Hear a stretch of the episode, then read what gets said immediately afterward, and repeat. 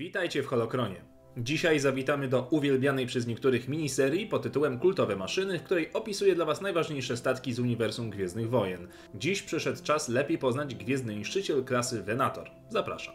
Zaczynamy od informacji kanonicznych. Statek wyprodukowany został za czasów rządów Republiki i nierzadko nazywany był również krążownikiem Jedi. Maszyna służyła za czasów wojen klonów i stanowiła trzon republikańskiej armii. Statek posiadał ogromną siłę rażenia, ale przewoził również na pokładzie całą armadę myśliwców. Najsłynniejsze jednostki brały udział w znamiennych bitwach np. o Sulus czy Korsent. Wyprodukowany w zakładach Kaut, obiekt liczył sobie od 1137 do 1155 metrów. Tutaj niestety różne źródła kanoniczne podają różne informacje. Maksymalna prędkość w atmosferze to 975 km na godzinę, a pod maską grzał hipernapęd klasy pierwszej oraz zapasowy napęd klasy 15. Zasilany reaktorami posiadał tarcze ochronne i dość mocny pancerz. Sensory dalekiego zasięgu oraz pokaźne uzbrojenie. 8 ciężkich wieżyczek turbolaserowych typu DBY-827, średnie podwójne turbolasery, lasery, punktowe działa laserowe w liczbie od 52 do 60 sztuk, 4 ciężkie wyrzutnie rakiet protonowych, 6 ciężkich projektorów wiązki ściągającej oraz działa pokładowe. Jeżeli chodzi o myśliwce, które znajdowały się na pokładzie, to wchodziły tam następujące jednostki.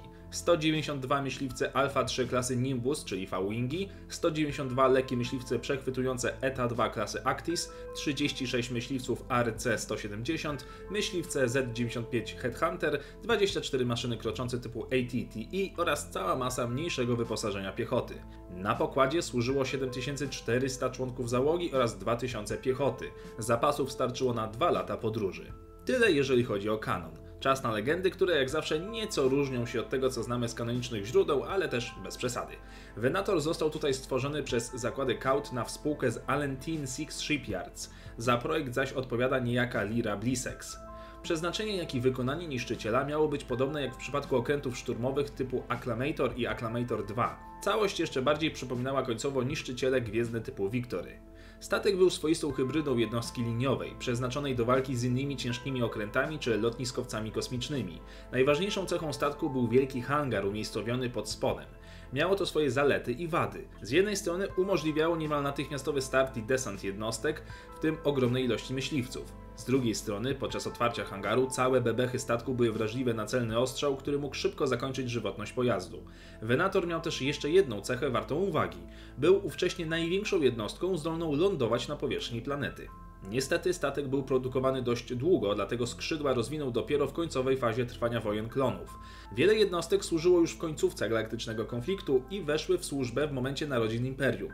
Jednakże w opinii publicznej wciąż kojarzyły się z Republiką, a ich specyfikacja była niezgodna z doktryną Tarkina. Dlatego z czasem zaczęto zastępować je niszczycielami typu Imperial. Wiele jednostek trafiło na złom, inne zostały potajemnie sprzedane organizacjom przestępczym lub oddane w prywatne użytkowanie mofów. Z czasem jednak i te zostały wyłapane przez służbistów Imperium i zlikwidowane. Warto tutaj wspomnieć o jednym ze statków o nazwie Vensenor. Na jego pokładzie znajdowała się kultowa w tamtym okresie Akademia Lotu Vensenor, będąca częścią Akademii Imperialnej. Co do specyfikacji i uzbrojenia. Wielkość, prędkość czy zasilanie statku jest takie samo jak w kanonicznej wersji. Ilość konkretnych dział jest bardzo zbliżona, podobnie zresztą jak ładowność innych jednostek w postaci myśliwców czy maszyn kroczących. Wynika to głównie z tego, że statek ten został już stworzony na potrzeby animacji Wojny Klonów, które siłą rzeczy są kanoniczne. Z dodatkowych źródeł możemy dowiedzieć się, że ładowność statku wynosiła 20 tysięcy ton, a jego cena za nowy statek wynosiła około 59 milionów kredytów. I to już wszystko w tym temacie. Dzięki za oglądanie. Rozważcie zostanie patronem serii. Zadawajcie pytania lub proponujcie tematy na kolejne odcinki. I niech moc zawsze będzie z Wami.